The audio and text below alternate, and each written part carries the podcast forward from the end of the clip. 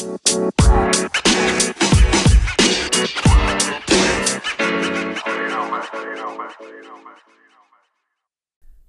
bij de tweede aflevering van Positief met Maarten, de podcast. Waarin wij, Evie en Michelle, ehm, allerlei dagelijkse dingen bespreken en er positief proberen naar te kijken. Vandaag gaan we het hebben over donatie. En dan heb ik het niet over het doneren van geld, wat natuurlijk wel altijd mag. Stuur ons een DM voor ons rekeningnummer. Maar over orgaandonatie. Orgaandonatie zit natuurlijk altijd een negatieve gebeurtenis aan vast, namelijk het overlijden van iemand. Maar het heeft- heeft ook heel veel positieve kanten. En Michelle is eigenlijk de aangewezen persoon om beide kanten te belichten. En waarom, dat merken jullie later in deze podcast. Ehm, Michelle, jij hebt namelijk nog niet eens zo heel lang geleden jouw moeder verloren. Om maar eens even met de deur in huis te vallen, ja. maar klopt, ja. En zij heeft toen ook haar organen gedoneerd. Klopt. Ik kan jullie natuurlijk van alles vertellen over de medische kant van zo'n proces. Maar dat is voor jullie helemaal niet interessant. Want aan die kant komen jullie helemaal niet te staan. Maar misschien wel ooit aan de kant waar Michelle gestaan heeft. En eigenlijk nog steeds staat. Namelijk die van nabestaanden die geconfronteerd wordt met die ene vraag. Namelijk of je geliefde donor is, dan wel donor wil zijn. Ehm, en ik kan me voorstellen dat het best wel heftig is. Want jij zit natuurlijk al helemaal in die rollercoaster van dat in dit geval jouw moeder dus plotseling overlijdt. Of in ieder geval op korte termijn gaat overlijden. En dan krijg je die ene vraag. Hoe ging dat bij jou en hoe heb je dat ervaren? Ja, ehm, nou om even wat meer, eh klein beetje achtergrondinformatie te geven. Mijn moeder was inderdaad, ehm, ja, ze had een hersenbloeding gekregen. Dus ehm, ja, later in het ziekenhuis werd al snel duidelijk dat eh, ze op zeer korte termijn zou komen te overlijden. En ja, dat was eigenlijk de eerste klap die wij als familie kregen. En ja, het is heel lastig voor te stellen, maar je leven staat echt in letterlijk één seconde gewoon helemaal op zijn kop. Dus je weet gewoon eigenlijk niet, je hebt zeg maar honderd emoties die dwars door je heen gaan. En dan zit je in zo'n ruimte en niemand weet wat er gebeurt. Van, het gaat allemaal zo snel. En ja, op een gegeven moment, eh, ja, ik en mijn zusje, die eh, waren en mijn vader. En alle, alle drie reageerden we anders. Mijn vader die was echt heel hard aan het huilen. En mijn zusje die ook. En ik was eigenlijk gewoon stom verbaasd. Ik dacht echt, hè? Drie uur geleden was ik nog met haar aan het praten. Ja, Dus- hoe kan dit nou? Zo Hoe ineens. kan Echt dit inderdaad? Ja. Zo'n omslag ineens. ja, dus dat was echt klap 1. En ja, gek genoeg, na een aantal ja, seconden, ik weet niet, de tijd is zo lastig aan te geven. Maar vroeg ik ook aan die neuroloog van, ja, en, en nu? Ja. Ja, ja, ik wilde gewoon die vervolgstap weten. Eh, Mag ik naar haar toe of eh, hoe gaat het nou verder? Ehm, ja, zegt hij. En normaal gesproken is dit gesprek volgens mij later. Dan komt er een soort van vervolggesprek. Maar omdat er best wel de tijd drong, hebben ze het meteen gevraagd. En waarschijnlijk ook omdat ik erom vroeg, letterlijk, van en nu? Dat dacht hij van, oh, dit is waarschijnlijk een opening waarbij ik het nu kan Ja. vragen. Dus hij zegt, ja, ik vind het echt verschrikkelijk dat ik het moet vragen. Hij zegt, maar ik ben het verplicht en ja, jullie moeder en vrouw komt in aanmerking voor orgaandonatie. En ik weet niet hoe jullie daar tegenover staan, want ze staat officieel niet geregistreerd in het register. Maar ja, zoals het er nu naar uitziet, we moeten natuurlijk dan allemaal alles nog testen. Maar ja, is zij wel geschikt voor orgaandonatie, omdat ze waarschijnlijk nu op dit moment hersendood is. Dus toen dacht ik, oké. Ja, dan moet, je met- dan moet je meteen heel anders gaan denken. Heel anders, ja. Want je moet het ene eigenlijk als het ware een soort van opzij zetten. En je duikt meteen in iets heel anders waar je eigenlijk normaal gesproken helemaal nooit bij stilstaat. Dus dat was echt super raar. Maar gek genoeg, ik keek mijn zusje aan, want die zat tegenover me. Mijn vader keek ik aan. Ik zeg, ja. Ik, ik zeg, wat denken jullie? En ze kijken me aan en ze zeggen, ja, om de beurt eigenlijk van, ja, ik denk dat we dit moeten doen. Ik ja, ik denk het ook. Want jullie hadden het daar als gezin zijnde of zo niet eerder wel eens over gehad. Ehm, nou, niet specifiek als gezin, maar mijn ouders hebben het er samen wel ooit over gehad. Want mijn vader die is zelf eh, hartpatiënt, dus eh, die heeft ooit een hartinfarct gehad. En om die reden heeft, ja, hebben ze ooit het gesprek gehad van, ja, stel Alex, eh, er gebeurt ooit iets met jou. Ja, wat, eh, ja, hoe staan we daar, of hoe sta jij daar tegenover? En toen heeft mijn vader gezegd, zo nuchter dat hij is, Ja, voor mij mogen ze alles hebben. En, Nuchtere Brabander. ja. En mama die had eigenlijk ook zoiets van, ja, van mij ook. Maar meer van, dat zal niet gebeuren, maar ja, zo sta ik er ook wel in. Maar die stap hebben ze eigenlijk nooit gezet om echt te registreren. Maar ze hebben het er wel over gehad. En dat maakte het wel makkelijker. Maar ja, alsnog die vraag is gewoon kut. Ja, ik kan het echt niet makkelijker zeggen. Dat maar... snap ik. En, maar ook voor zo'n arts denk ik hoor. Want het is net wat jij zegt. Hij voelde dan misschien aan jou... Jij gaf hem eigenlijk een soort van opening. Maar mhm. ja, wanneer breng je anders in hemelsnaam zoiets ter sprake? Dat is eigenlijk ook iets wat natuurlijk een beetje tegen je gevoel als mens op zo'n moment ingaat. Ja. Want hij of zij ziet ook dat jullie ja, natuurlijk helemaal in het verdriet zitten. Maar ja, er is wel wat haast bij. Dus die vraag komt natuurlijk altijd ook op een super snel, onverwacht moment. Ja, het is niet van oké, ja, jullie, uh, ik ga het jullie vragen en jullie hebben ook echt letterlijk een paar dagen bedenk, bedenktijd. Nee, je moet beslissen. Ja. En je kunt ook niet een aantal dagen wachten om die vraag te stellen. Dus ja, toen is eigenlijk alles uh, in gang gezet. Oké. Ehm, ten eerste wil ik even zeggen dat ik het knap vind dat je dit zo wilt delen. Um, Thanks. Ja, nou, dat is toch. Toen hebben jullie met z'n drieën dus eigenlijk besloten... oké, we gaan dit doen. En dan? Want wat gebeurt er dan? Want ik kan me voorstellen dat jouw moeder... Uh, of dat de organen van je moeder getest moeten worden. Ze mhm. moeten natuurlijk op zoek naar uh, ontvangers voor die ja. organen. Hoe, hoe, hoe, wat dan? Want dan kom je natuurlijk in een heel medisch, ja. medische molen eigenlijk. Klopt. Um, nou, allereerst uh, word je in contact gebracht. Er wordt een transplantatiecoördinator opgeroepen. Dus die komt dan naar het ziekenhuis en daar maak je kennis mee. En die legt echt van A tot Z uit wat er gaat gebeuren. En um, goed om aan te geven is dat deze coördinator ook altijd de gelegenheid geeft aan de familie om als het ware terug te trekken. Dus als het niet fijn voelt of erge twijfels krijgt of wat dan ook. Je kunt op elk moment zeggen van nee, het voelt niet goed, ik wil het niet, we stoppen ermee. Echt tot letterlijk een minuut voor de operatie kan het nog. Maar ja, hij legt inderdaad alles uit van we gaan... Ehm, we moeten natuurlijk eerst officieel vaststellen dat ja, jullie moeder en vrouw hersendood is. Dus daar worden dan allemaal uh, verschillende testen voor gedaan. Dat duurt ook echt een aantal uur. Het gebeurt heel zorgvuldig. En tegelijkertijd gaan ze ook allemaal testen doen van, ja, om te kijken of organen intact zijn, in hoeverre ze bruikbaar zijn. Want bijvoorbeeld een hart moet 100% in orde zijn om, om getransplanteerd te worden. En um, bij mijn moeder was het dus letterlijk 99% oké. Op 1% na was het niet goed. En dan wordt het gewoon, ze willen echt zeker weten dat organen echt helemaal in orde zijn. Het is ook niet dat ze zomaar organen eruit halen en denken van, hé, hey, daar kunnen we later nog iets mee doen of zo. Nee, dat wordt echt heel zorgvuldig gecheckt. En wanneer dat per orgaan is bekeken, dan wordt dat allemaal in een soort van hele grote database gezet. En dan gaat die coördinator gaat zoeken naar eventueel geschikte matches daarvoor. En, dat kan door heel Nederland zijn? Dat kan of door zelfs heel, buiten Nederland? Ook buiten Nederland, want uh, Nederland is aangesloten bij een organisatie genaamd Eurotransplant. En die werken dus samen met uh, zeven andere Europese landen, waardoor je ook ja, een grotere kans hebt om een geschikte match te vinden. Dus dat is eigenlijk wel echt supergoed. Ja, dus zo, zo gaat het eigenlijk een beetje. En dan uh, word je overal continu van op de hoogte gesteld. En ja, bij ons was het zelfs zo, want ze werd officieel dus uh, hersendood verklaard in de avond. En uh, in de nacht ging de transplantatiecoördinator dus zoeken naar allemaal verschillende matches. Want alle testen en alle onderzoeken van de haarorganen waren al gebeurd. En dat was allemaal in de database gezet. En de volgende ochtend zou um, de operatie zijn. Om tien uur, even zo uit mijn blote hoofd. Mhm. Maar we werden s ochtends wakker en toen zei de transplantatiecoördinator... Ja, we hebben goed nieuws en slecht nieuws. Er is een um, match gevonden voor de longen. Alleen die kunnen hier niet om tien uur zijn. Zeg maar voor de operatie. Het uitnameteam kan er niet op tijd zijn. Dus ja, aan jullie de keus. Wij krijgen dan letterlijk zelf de keus om te zeggen van oké, we willen erop wachten. Dus de operatie uitstellen. Of we zeggen van nee, het is echt genoeg geweest. Want ja, je zit daar dus echt al een hele nacht ook te wachten. Ja, dat is best wel slopend. Want, want ja.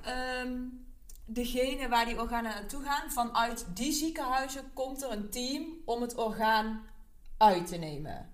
Dat doen, het is niet dat alle dokters van zeg maar dat jouw dokter, de nee. dokters van jouw moeder, of dat daar één chirurg wordt opgeroepen die die organen eruit gaat halen? Volgens, volgens mij is het een, uh, het heet dan het, het ZUT, het zelfstandig uitnameteam. En dat is niet per se volgens mij van het ziekenhuis waar mijn moeder toen lag, zeg maar. Dat is gewoon een, eh, volgens Oh, mij ja. onafhankelijk team. Dus ja, wij kregen die vraag eh, van, ja, willen jullie wachten of willen jullie niet wachten? En toen zei mijn vader van, ja, nee, ja, hij zat er echt doorheen. Ja, je kunt het je niet voorstellen, Nee, maar ja, misschien wel. wachten trek ik niet meer. Ja, dus, ehm, dus die coördinator zei ik van, weet je, ja, prima. Die- ja, het is jullie keus en ik ga dat zo eh, doorgeven. En eh, oké, ik laat jullie verder weten hoe en wat. Dus hij liep weg en ik zeg tegen papa, ik zeg, ja, ik zeg, weet je, weet je het zeker? Hij zo, ja, hoezo? Ik zeg, ja, als wij echt misschien een paar uur wachten, misschien redden we daar wel iemand mee. Of ja, mama. Dus misschien kunnen we wel gewoon wachten. Ik weet dat het verschrikkelijk is. Ik zeg, ik vind het ook wel verschrikkelijk, maar... Want wat maakte dat wachten nou zo zwaar? Nou, het was zwaar. Want je wist al, heel cru gezegd, dat Ja. je moeder ging overlijden. Jullie hadden al die beslissing genomen. We willen dat ze haar organen kan doneren. Wat maakt nou die wachttijd zo zwaar? Nou, het is zo zwaar omdat je een soort van niet verder kan met het verwerken, zeg maar. En dat klinkt raar, maar ze, er moet nog iets gebeuren voordat jij echt verder kan met alle procedures omtrent echt het afscheid nemen van haar. Dus de crematie en dat soort dingen. Ja. Ja, En- want jouw moeder was op dat moment hersendood. Ja, Maar dat betekent dus dat haar hart eigenlijk en haar, haar ademhaling Ja. nog op gang wordt gehouden. precies. En dat was zo raar, want wij hebben s'nachts bij haar gelegen. En dan lig je naast haar en dan zie je haar borstkas op en neer gaan, want ze ligt aan de beademing. Ja, Ze is nog warm, want ja, eh, haar dat gaat gewoon nog allemaal door, Ja, die het- bloedflow en zo. Ja, ze heeft nog gewoon een hartslag. Dus het hart pompt nog gewoon bloed rond in het hele lijf. Dus ja, je Ja, bent al nog- die ja, automatische processen en organen die doen het nog. De- dus ook het, het warm houden en, Ja. en, en de kleur, zeg maar. ja, precies. Dus het leek echt alsof ze sliep. Ja. Dus dat was zo mindfuck, zeg maar. Want ze, ze sliep niet, ze was er gewoon niet meer. Maar Ja. ja, dat was echt gewoon mentaal gewoon echt super slopend. Maar ja, ik stelde papa dus die vraag en toen zei hij van ja, weet je wat, je hebt gelijk. Roep die transplantatiecoördinator maar. en ehm, zeg maar dat we het doen. Dus toen had ik bijna een soort van euforisch, ja, dat is misschien een groot woord, maar ik had zoiets van, Yes, nog iemand helpen. ja, ja, dat klinkt, ja, Nee, ja, dat ja, ik weet niet, maar je weet natuurlijk pas later of het dan ook echt allemaal gelukt is, maar wij, ik en mijn zusje liepen inderdaad achter die coördinator aan, want hij was zeg maar nog net de deur uit. Ik zo, ja, ik zeg, eh, we willen toch wel, eh, we willen toch wachten. Ja, zegt hij, jullie moeten je niet verplicht voelen om ja, nu in één keer ja te zeggen. Nee, zeg ik, zeg, we willen echt, we willen echt dat het ja, uitgesteld wordt. Dat we in ieder geval wachten op, eh, ja, dat de, dat de longen eruit gehaald kunnen worden. Ja, uiteindelijk is de operatie daarmee maar, maar twee uur uitgesteld. Dus het viel nog mee. Ja, maar dan ben je ondertussen wel bijna 24 uur verder, ja. Ja, dus dat is echt, echt wel lang natuurlijk voor zo'n eh, Ja. moment. Het is lang, maar ik moet zeggen, en nou waren wij toevallig heel tevreden over hoe ze het in ons ziekenhuis hebben gedaan. Ja, we werden echt goed begeleid en ehm, we kwamen echt niks Hebben tekort. nou ergens in dat proces ehm, het gevoel gehad dat je gedwongen werd of niet meer terug kon? Nee. Of... Nee, daar kan ik echt heel snel op antwoorden. Nee, echt absoluut niet. Want ja, er werd meerdere malen in het gesprek, ook met zowel ziekenhuispersoneel als verpleegkundigen en zo, eh, als de eh, transplantatiecoördinator werd gezegd van... Voel je niet verplicht om dit door te zetten als het echt niet goed voelt. Jullie hebben altijd echt de keuze om stop te zeggen en alles te annuleren. En het werd ook niet gemaakt van... Maar als je dat doet, dan nemen we je het kwalijk of zo. Nee, echt, ze lieten ons daar... Dat was echt een, ze gaven ons heel fijn gevoel daarover. Dus dat het was echt fijn. helemaal jullie keus en Ja. jullie proces als het ware. Ja, klopt. Ja. En hoeveel mensen heeft jouw moeder op deze manier eigenlijk geholpen? Nou, dat is dus... ehm, want ongeveer een week of zes nadat de operatie is eh, geweest... krijgen we een... eh, eerst werden we gebeld weer door de coördinator van... Ja, jullie krijgen over een paar dagen een brief waarin staat wat er met de organen is gebeurd. eh, of het succesvol is verlopen of niet. En ehm, ja, met beperkte informatie, want zoiets is altijd heel erg ja, AVG. Dus je krijgt wel helemaal anoniem heel anoniem ja. inderdaad. Dus, ehm, maar daarin vertelde hij dat, we, dat ze vier mensen heeft gered. Dus eh, haar nieren, linker en le- rechternier, zijn naar ja, twee verschillende personen gegaan. Haar longen zijn naar een man van... Ja, je krijgt alleen maar te horen of het naar een man of vrouw gaat. Oké. Of het naar, eh, en welke leeftijdsklasse, dus tussen de 30 en 35 of zo. En Oh, of ja. het succesvol is verlopen of niet. En ja, wel mooi om te zeggen is dat haar lever naar een jongetje van ja, tussen de 10 en de 15 is gegaan. Dus ja, echt super jong. Ja, als je je toch voorstelt ook hoe die ouders bijvoorbeeld dan, hoe, hoe blij die daar dan mee zijn. Ja, ja. En je kunt dus ook niet in contact komen met elkaar. Maar eh, wat wel zou kunnen, is dat de familie zeg maar, van degene die, of degene die het orgaan heeft ontvangen, een brief stuurt naar de Nederlandse Transplantatiestichting. En daar mag, moet dan voldoen aan bepaalde dingen. Dus daar mogen ook geen gegevens in staan of Nee. contact. Ja, dingen waarmee wij contact op kunnen zoeken of andersom. Dus Maar als een soort dankje of zo. ja, en dan ehm, worden wij gebeld van, nou, er is hier een brief aangekomen. Willen jullie die lezen, ja of nee? En het kan zijn dat wij daar niet aan toe zijn of eh, daar Ja. geen behoefte aan hebben. Maar ja, dat is tot op heden nog niet gebeurd. En daar doen we het ook niet voor, hoor. Maar ik, wil, nee, nee, nee. ik wil alleen ja, maar aangeven dat contact eigenlijk bijna, Niet kan. nee. In ieder geval niet persoonlijk, nee. Dus dat is echt een heel proces waar jullie doorheen gegaan zijn. Nou, uiteindelijk heeft jouw moeder dus vier mensen geholpen. En dat is natuurlijk, dat is natuurlijk iets heel moois en iets heel positiefs. Ehm, wat is nou volgens jou de grootste misvatting die mensen hebben over orgaandonatie? Hmm. Ehm, ik denk, ja, we hebben het woord al een aantal keer eh, laten vallen. Maar ik denk dat mensen denken dat, eh, net als mama die was, ze denken van oké, ze was hersendood, dus dan ben je niet echt dood. Maar dat is wel, want ja, ik kan heel veel inhoudelijke informatie geven over hoe zo'n testen eruit zien eh, om iemand eh, hersendood te verklaren. Maar ja, dat zijn drie onafhankelijke testen en die moeten echt 100% zeg maar, moeten ze 100% niet op reageren als het ware. En als ze ook maar ergens op reageert, dan wil het zeggen dat ze dus niet hersendood is, dat er iets anders aan de hand is. Maar pas als al die, alle drie die testen dus een soort van ja, negatief zijn, dus dat ze daar niet op reageert, dan eh, wil dat zeggen dat jouw hersenen absoluut geen enkele mogelijkheid meer heeft om ooit nog te functioneren. Dus er is nul kans op herstel. Dus dat wil zeggen dat je gewoon echt nooit, nooit van je leven meer daarvan bijkomt of daarvan herstelt.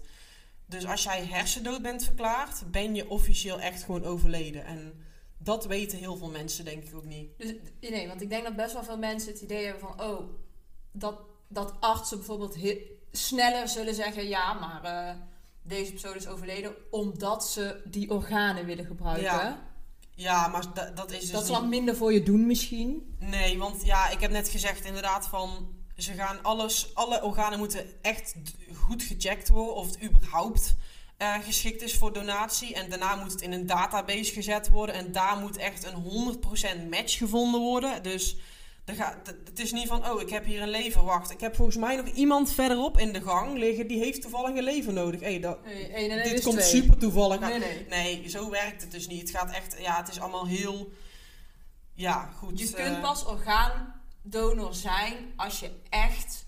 als er echt voor jou nul kans meer is op overleven. Ja, precies. Ja.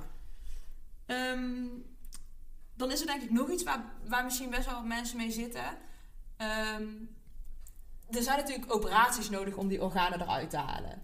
Mhm. Ehm, en ik denk dat best wel veel mensen een beetje huiverig zijn over hoe zo'n overledene er dan Mm, ja. uitziet. Kan ik die persoon nog wel opbaren in een open kist? Of hoe, herken ik die persoon nog wel als mijn geliefde? Los dat iemand uiteraard sowieso wel verandert als hij overlijdt. Maar ja. ehm, hoe, hoe kijk jij daarop terug? Nou, ik moet zeggen, ja, ze heeft die operatie gehad. En eh, toen is ze inderdaad gewoon dezelfde dag nog naar huis gebracht. Dus het is niet zo dat je dan nog dagen moet wachten op een lichaam. Of eh, dat, het naar, eh, dat het niet naar huis gebracht kan worden. Dat is niet, want in principe gaat het precies zoals je zou willen wanneer iemand geen operatie voor orgaandonatie heeft gehad. Ik heb haar, ja, dit is echt raar eigenlijk om te zeggen, maar ik heb haar niet gezien, zeg maar, toen ze thuis kwam. Ik wilde dat niet zien. Ik vond het heel confront, het leek me heel confronterend. Dus ik heb letterlijk bij de buren gezeten om te wachten van, oké, ik weet dat ze thuis is en dat ze aangekleed is, dat ze er ligt zoals ik haar herken, zeg maar. Mhm. Dus mijn zusje die heeft haar samen met mijn tantes gewassen. Dus die heeft het echt kunnen zien hoe het eruit heeft gezien. Maar ze zegt ook van, ja, je ziet inderdaad wat littekens, maar voor de rest, ja, is het. Je ziet er echt, want ze heeft daarna gewoon kleren aan en inderdaad gewoon open kist, om het zo te zeggen. Dus, en daar ligt ze echt gewoon alsof, echt weer alsof ze sliep, zeg maar. Ja, dan dus, zie je er ni- niks van. Nee, nee, dat, nee want ze, ze vullen dat, zeg maar, er gaan natuurlijk organen uit. Dus ze vullen het dan met een soort van soort materiaal op. Maar dat is allemaal Ja, onder de zodat je huid. ook niet dus- een soort van holte of zo Precies, hebt. dus dat maken ze allemaal super mooi en dat doen ze met heel veel respect en daar word je echt heel goed in begeleid. Dus nee, dat is echt niet. En we hebben ook echt niet anders afscheid kunnen nemen of dat we daardoor korter. ehm, ehm, Haar bij je had.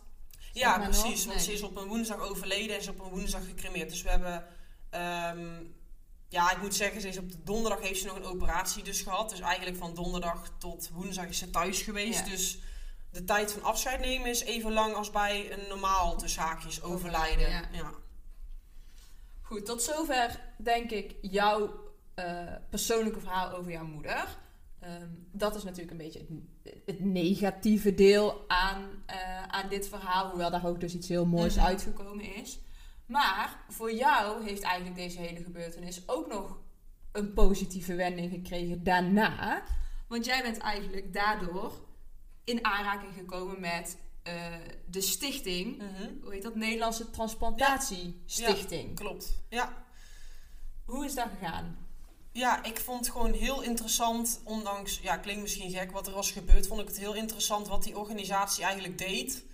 En toen heb ik mezelf daarin verdiept en toen dacht ik van, ja, je wordt zo meegenomen in het hele proces. Je maakt het echt letterlijk van dichtbij mee. Ik dacht van, ja, eigenlijk vind ik het heel belangrijk dat mensen eh, moeten weten hoe belangrijk het is om je te registreren. En niet om eh, orgaandonor te worden. Dat is een leuke bijkomstigheid, om het even zo te zeggen. Maar ja, en nu is natuurlijk laatst die nieuwe donorwet ingegaan. Waarbij je dus moet... eh, ja, waarbij je automatisch donor wordt als je niet eh, registreert. Ja, even voor de, voor de luisteraars. Het was dus voorheen moest jij je actief registreren als Ja. donor. En nu is het eigenlijk zo dat jij je actief moet afmelden Ja, als zijnde donor. Ehm, en het doen van een bepaalde registratie of het maken van een bepaalde keuze online, dat eh, kost natuurlijk tijd of dat kost energie voor mensen. Dat is een beetje een bepaalde stap. Dus door het op deze manier te doen, dat je dus actief moet Ja. afmelden, hopen ze natuurlijk uiteindelijk meer donoren te hebben. Maar goed, die wet is volgens mij juli 2020 ingegaan. En ik kan me ook voorstellen dat nu met corona en zo, dat die effecten daarvan nog niet helemaal goed eh, Ja, te beoordelen zijn. ja. Dus ja, ik vond het gewoon heel interessant eh, wat er eigenlijk was gebeurd. En toen heb ik contact opgenomen met de Nederlandse Transplantatiestichting en aangegeven van ja, ik zou best het traject in willen gaan om een soort van vrijwilligerswerk te doen. Om gastlessen te geven of eh, presentaties over het hele proces. Dat mensen eens weten hoe het kan zijn vanuit de kant van de nabestaanden, zeg maar. Dus toen heb ik dat gedaan. En ik moet zeggen, ze waren eerst wat huiverig, om het zo te zeggen. Omdat ze dachten van, wow. Ik, ik nam ook echt na een aantal maanden of zo al contact op. Toen dachten ze, oké, om haar te Snel. beschermen... Ja. moeten we misschien een aantal maanden wachten, weet je wel. Want ik kan me voorstellen dat je nu heel enthousiast bent. En we willen natuurlijk ook niet iemand...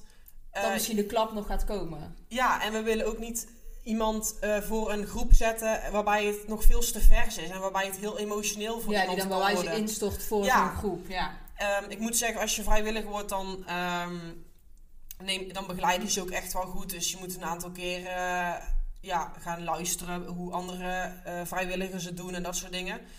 Maar voordat dat traject dus inging, hadden ze zoiets van... oh, misschien zou je het wel leuk vinden om mee te werken aan een interview. Dus toen heb ik meegewerkt aan een interview... waarbij ik dus eigenlijk, kort gezegd, dit verhaal vertelde. En eh, ja, en daar heb ik ook best wel positieve reacties op gehad. En ehm, ja, toen, dacht, toen voelde het echt goed. Dat ik dacht van, ja, hier wil ik dus echt wel mee verder gaan. En ja, toen heb ik eigenlijk een beetje dat traject doorgelopen. En sinds een aantal maanden, sinds november 2020... geef ik nu dus gastlessen. En aan, aan wie geef je die lessen? Wat voor groepen zijn dat? Wat voor mensen zijn dat die je dan voor je hebt? Nou, het, is, het kan echt iedereen zijn. Dus eh, wie zich maar aanmeldt bij de Nederlandse Transplantatiestichting... die graag een gastles zou willen van een van de vrijwilligers. Maar tot nu toe zijn het nog elke keer studenten geweest. En studenten verpleegkunde of, Ja. of geneeskunde of... of Ja, van verpleegkunde is het een aantal keer geweest. En eh, ook van die BBL-opleidingen, waarbij het soort van is burgerschap volgens mij een algemeen Ja, vak. Waarbij ja. dan een maatschappelijk thema wordt besproken. En daarin heb ik dan ook gastlessen gegeven, wat best wel een maatschappelijk thema natuurlijk is. En tot nu toe eigenlijk alleen nog maar digitaal. En dat vind ik wel, het is heel erg interessant en voldoenend om te doen.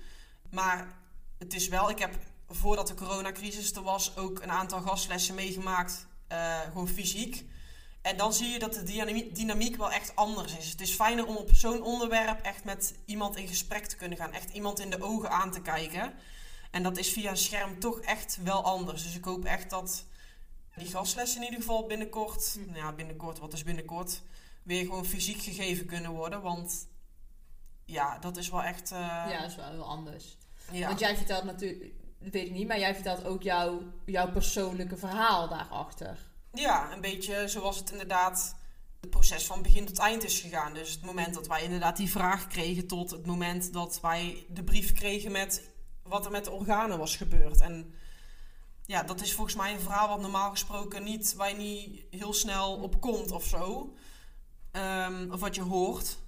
Omdat het, ja, het ja, gebeurt het vaak. Ik denk dat heel weinig nabestaanden er heel open over Ja. praten of zo. Ja, Wel met hun eigen familie misschien, maar niet in de vorm van gastlessen. Nee, zeker met onbekenden denk ik dat je dat niet zo snel bespreekt. Ja. Kun, kun je iets zeggen over hoe dat wordt ontvangen door de mensen aan wie jij die lessen of, of geeft? Ja, ik, eh, in het begin was het ook echt dat ik niet vroeg.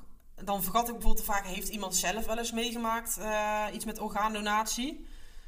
En dan kwam ik er achteraf achter bijvoorbeeld dat iemand in die klas dan dat had meegemaakt en dus ook vet emotioneel reageerde. En toen dacht ik: oh shit, ik heb helemaal niet gevraagd.